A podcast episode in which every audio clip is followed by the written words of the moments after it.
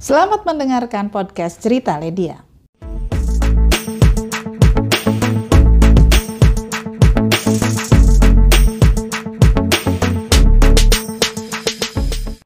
Selamat malam Ibu Ledia. Assalamualaikum. Waalaikumsalam warahmatullahi wabarakatuh. Apa kabar teh? Kabar baik, alhamdulillah. Alhamdulillah. Salam sehat selalu Ibu Ledia ya. Memang, memang sekarang paling penting sehat ya. Betul. Bu Ledia, Mhm. Cukup uh, bikin terkejut juga begitu ya. Ada uh, berkali-kali lipat dari 2019 dispensasi perkawinan. Mhm. Kemudian juga kondisi pandemi, uh, konten kreator yang tidak semestinya ini juga memperburuk. Apa yang sebetulnya terjadi dengan uh, meningkatnya atau meningkat secara drastis angka perkawinan anak, Bu Lydia? Jadi ini yang perlu kita harus nanti masih harus gali lebih lagi ya. Memang ada 34 ribu bu- pengajuan dispensasi nikah di tahun eh, semasa pandemi ini dan eh, 90 persennya itu dikabulkan. Lebih dari 90 persennya dikabulkan oleh hakim.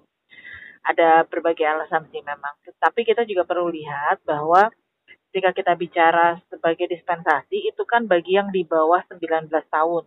19 tahun ke bawah itu harus memerlukan dispensasi. Nah, eh, sementara kita kan eh, khawatirnya jadi rancu dengan perkawinan anak. Perkawinan usia anak itu anak kan sampai 18. Jadi antara 18 sampai 19 ini berapa orang sebenarnya itu juga harus didata. Eh, kedua, eh, kita juga melihat ini memang musibah eh, pandemi ini kondisi ekonomi juga memburuk ya. Sehingga ada dalam beberapa temuan misalnya orang tua memang merasa bahwa ini kondisi ekonominya sudah sulit ya udah di apa namanya kalau anak itu menikah kan udah nggak jadi beban orang tua kira-kira begitu ya. Meskipun ketika kemudian tidak disiapkan secara matang ada banyak resiko. Resiko eh, katakanlah resiko perceraian menjadi lebih besar kalau ketidakmatangan itu dan itu nanti baliknya ke orang tua lagi. Jadi kan eh, sebetulnya jadi beban ke orang tua. Jadi bukannya meringankan beban sebenarnya ada juga temuan yang menyatakan bahwa ini ternyata lebih banyak karena tidak ada aktivitas sekolah. Jadi kan belajarnya daring. Terus kemudian tidak semua terkontrol juga oleh orang tua, karena mungkin orang tua juga sibuk mencari nafkah. Eh, aktivitas pacaran yang menyebabkan kemudian mereka eh, berhubungan eh, seksual sebelum eh, waktunya, sebelum nikah, sehingga akhirnya eh, kemudian di ya udah nikah aja lah gitu. Sampai begitu arahnya. Artinya itu juga menjadi sebuah catatan menurut kami. Artinya di kita sendiri sebenarnya eh, pendidikan berkaitan dengan eh, responsibilitas berkaitan dengan eh, kesehatan reproduksi karena reproduksi kan itu berkaitan dengan responsibility ya dengan tanggung jawab. Nah itu masih kurang sehingga mereka juga tidak terlalu memahami ke arah sana. Ya, tapi ini nggak bisa dibiarkan kan. Mereka harusnya masih bisa uh, menikmati sekolah, mereka harusnya bisa lebih apa mengutamakan potensi mereka untuk bisa uh, lebih baik lagi ke depan. Terus kita juga berharap dengan bonus demografi ini kan skill harus ditambah, pengetahuan ditambah, kesiapan mental juga lebih baik dan lain sebagainya. Jadi ini ada banyak hal penyebab triggernya uh, yang menyebabkan akhirnya itu banyak terjadi.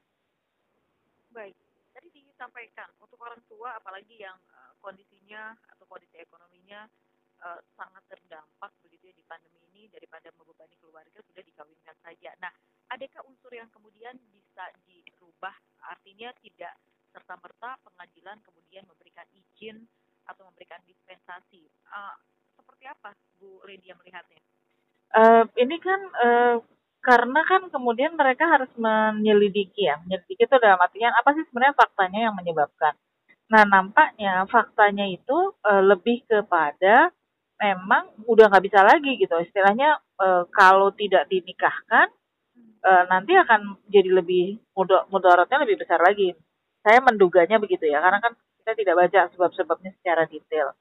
Nah ini berarti kan ada hal yang harus dilakukan. Dilakukannya adalah preventif kan preventifnya ya baik dengan kesadaran pada orang tua, bagaimana kita juga memberikan bekal pada anak-anak muda. Jadi e, memang e, pemahaman di mereka bahwa penting bagi mereka untuk memahami, mematangkan diri, ada bekal yang harus disiapkan kalau berkeluarga itu harusnya sudah sudah dimasukkan kan kita nggak ada pendidikan keluarga ya maksudnya uh, di sekolah pun nggak ada uh, uh, pendidikan keluarga zaman saya dulu itu kan uh, belajar masak, ngejahit gitu ya, lebih ke situ. Tapi esensi bagaimana menghidupkan fungsi keluarga itu nggak nggak nyampe gitu. Padahal pada usia-usia SMA itu kan mereka harus sudah mulai paham supaya mereka juga ngerti responsibilitasnya sehingga juga ketika bersikap berperilaku mereka udah tahu nih nggak nih ini ada yang boleh nih ada yang nggak boleh ini ada resiko tanggung jawab yang nanti harus mereka ambil gitu. Jadi mereka paham gitu bahwa mereka uh, punya ketentuan-ketentuan gitu ya ketentuan-ketentuan yang akan punya resiko tanggung jawab mereka gitu. Jangan sampai kemudian lepas tanggung jawab sama sekali. Nanti fatal akibatnya baik. Bu Lady ini dua yang menarik. Tadi yang pertama juga disampaikan bahwa uh, sekolah daring minimnya aktivitas uh, tatap muka begitu ya anak uh, sedikit tidak terkontrol begitu kemudian uh, berbuat uh, yang tadi disampaikan sudah pada begitu menikah saja nah ini juga menarik. Apakah kemudian menurut Anda kalau sekolah tatap muka e, berjalan kembali bulan Juli, ini bisa kembali menekan e, angka pernikahan seperti ini atau minimal e, dispensasi ini bisa berkurang? Apakah Anda melihat ada arah ke sana, Bu Lady? Kayaknya enggak juga ya, karena kan nanti itu ketika tatap muka dia hibrid sistemnya kan, ada yang lu daring, ada yang luring, nggak mungkin semua langsung penuh itu satu. Kedua, memang pendampingan itu penting. Nah, di kita ini kan e, semua kaget. Guru nggak mungkin harus kontrol anak-anak di rumah. Pilihannya adalah orang tua yang harus melakukan kontrol. Tapi orang tua pada keadaan seperti sekarang ini mereka harus mencari nafkah. Jadi kan e, apa kalau bahasa Sunda ada baju rawat gitu kan. Nah, ini bagaimana pembekalan? Nah, kemarin sih kita e, menyarankannya begini. E, bagi anak-anak muda ini seharusnya mereka diberi bekalan diberi bekalan, diberi keterampilan, keterampilan life skill ya, life skill yang nantinya akan membuat mereka apa ya lebih mandiri, sehingga kemudian mereka akan lebih konsentrasi untuk mencurahkan potensi mereka itu. Nah, ketika mereka itu berharapnya sih udah nggak nggak terlalu memikirkan mau nikah cepat mau nikah cepat gitu. Artinya mereka udah mematangkan diri kira-kira nanti perkembangan uh, apa perkembangan dirinya akan uh, emosinya perkembangan uh, skillnya dia bisa berpikir lebih jauh dia akan memberikan kontribusi apa dia mau jadi punya berprestasi seperti apa dan sebagainya gitu. Jadi ada dorongan ke sananya gitu. Nah ini memang harus di, diberikan harus dikerja keroyokan istilahnya gitu ya. Artinya uh, Kementerian Pemuda Olahraga uh, pariwisata ekonomi kreatif nah jadi penting kami di Komisi 10 itu sudah mendiskusikan tentang pengaruh utamaan pemuda. Ini menjadi bagian yang sangat penting bagi kita untuk mendorong para pemuda ini mereka punya apa ya terasah potensinya termaksimalkan sehingga bisa berkontribusi. Jadi dan itu merata, nggak boleh cuma satu dua orang pemuda tapi harus merata gitu. Karena itu nanti akan menjadi bekal mereka di masa yang akan datang ketika mereka jadi pemimpin bangsa ini. Baik uh, Bu Ledia kalau saya simpulkan begitu dari yang disampaikan barusan artinya uh, anak-anak uh, muda ini atau usia 18, 19 atau dari 17 sampai 19 begitu ya saat ini atau di masa pandemi ini punya waktu yang banyak tapi tidak ada skill begitu ya sehingga apa saja kemudian dilakukan ya tadi yeah. kepada uh, kawin usia anak. Nah apakah satu yang bisa dilakukan kita kan juga punya ada program uh, kartu prakerja apakah konsep seperti itu uh, memungkinkan atau bisa diaplikasikan untuk mereka yang usianya adalah usia uh, eh, SMA dan sampai 19 tahun. Bu uh, maaf tadi program apa? Kurang jelas. Oke, okay. uh, sekarang kan juga ada program kartu prakerja artinya pelatihan oh, kartu prakerja online. Oke, okay, oke. Okay online. Apakah memungkinkan itu untuk bisa diaplikasikan untuk mereka yang usianya lebih muda begitu agar waktunya menjadi lebih bermanfaat begitu Bu Lydia? Prakerja sih saat ini difokuskan pada yang lulusan SMA ya sampai ketika mereka belum kerja. Tetapi ada di Kemenpora mestinya bisa dialokasikan karena kan Kemenpora itu domain e, rentang rentang garapannya adalah pemuda usia 15 sampai 30 tahun. Iya. Artinya itu harusnya bisa lebih awal kan? 15 itu kira-kira kelas 9, kelas 10 lah ya.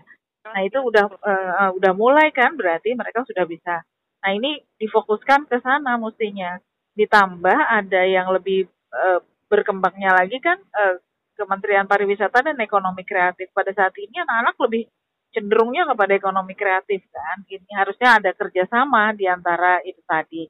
Nah terkait dengan uh, kita nggak boleh melupakan BKKBN punya program generasi berencananya yang juga sebenarnya bisa kita endorse untuk membangun kemandirian dengan skill-skill yang dilakukan bagaimana sehingga mereka punya kemampuan merencanakan sesuatu kan merencanakan hidup mereka di masa yang akan datang.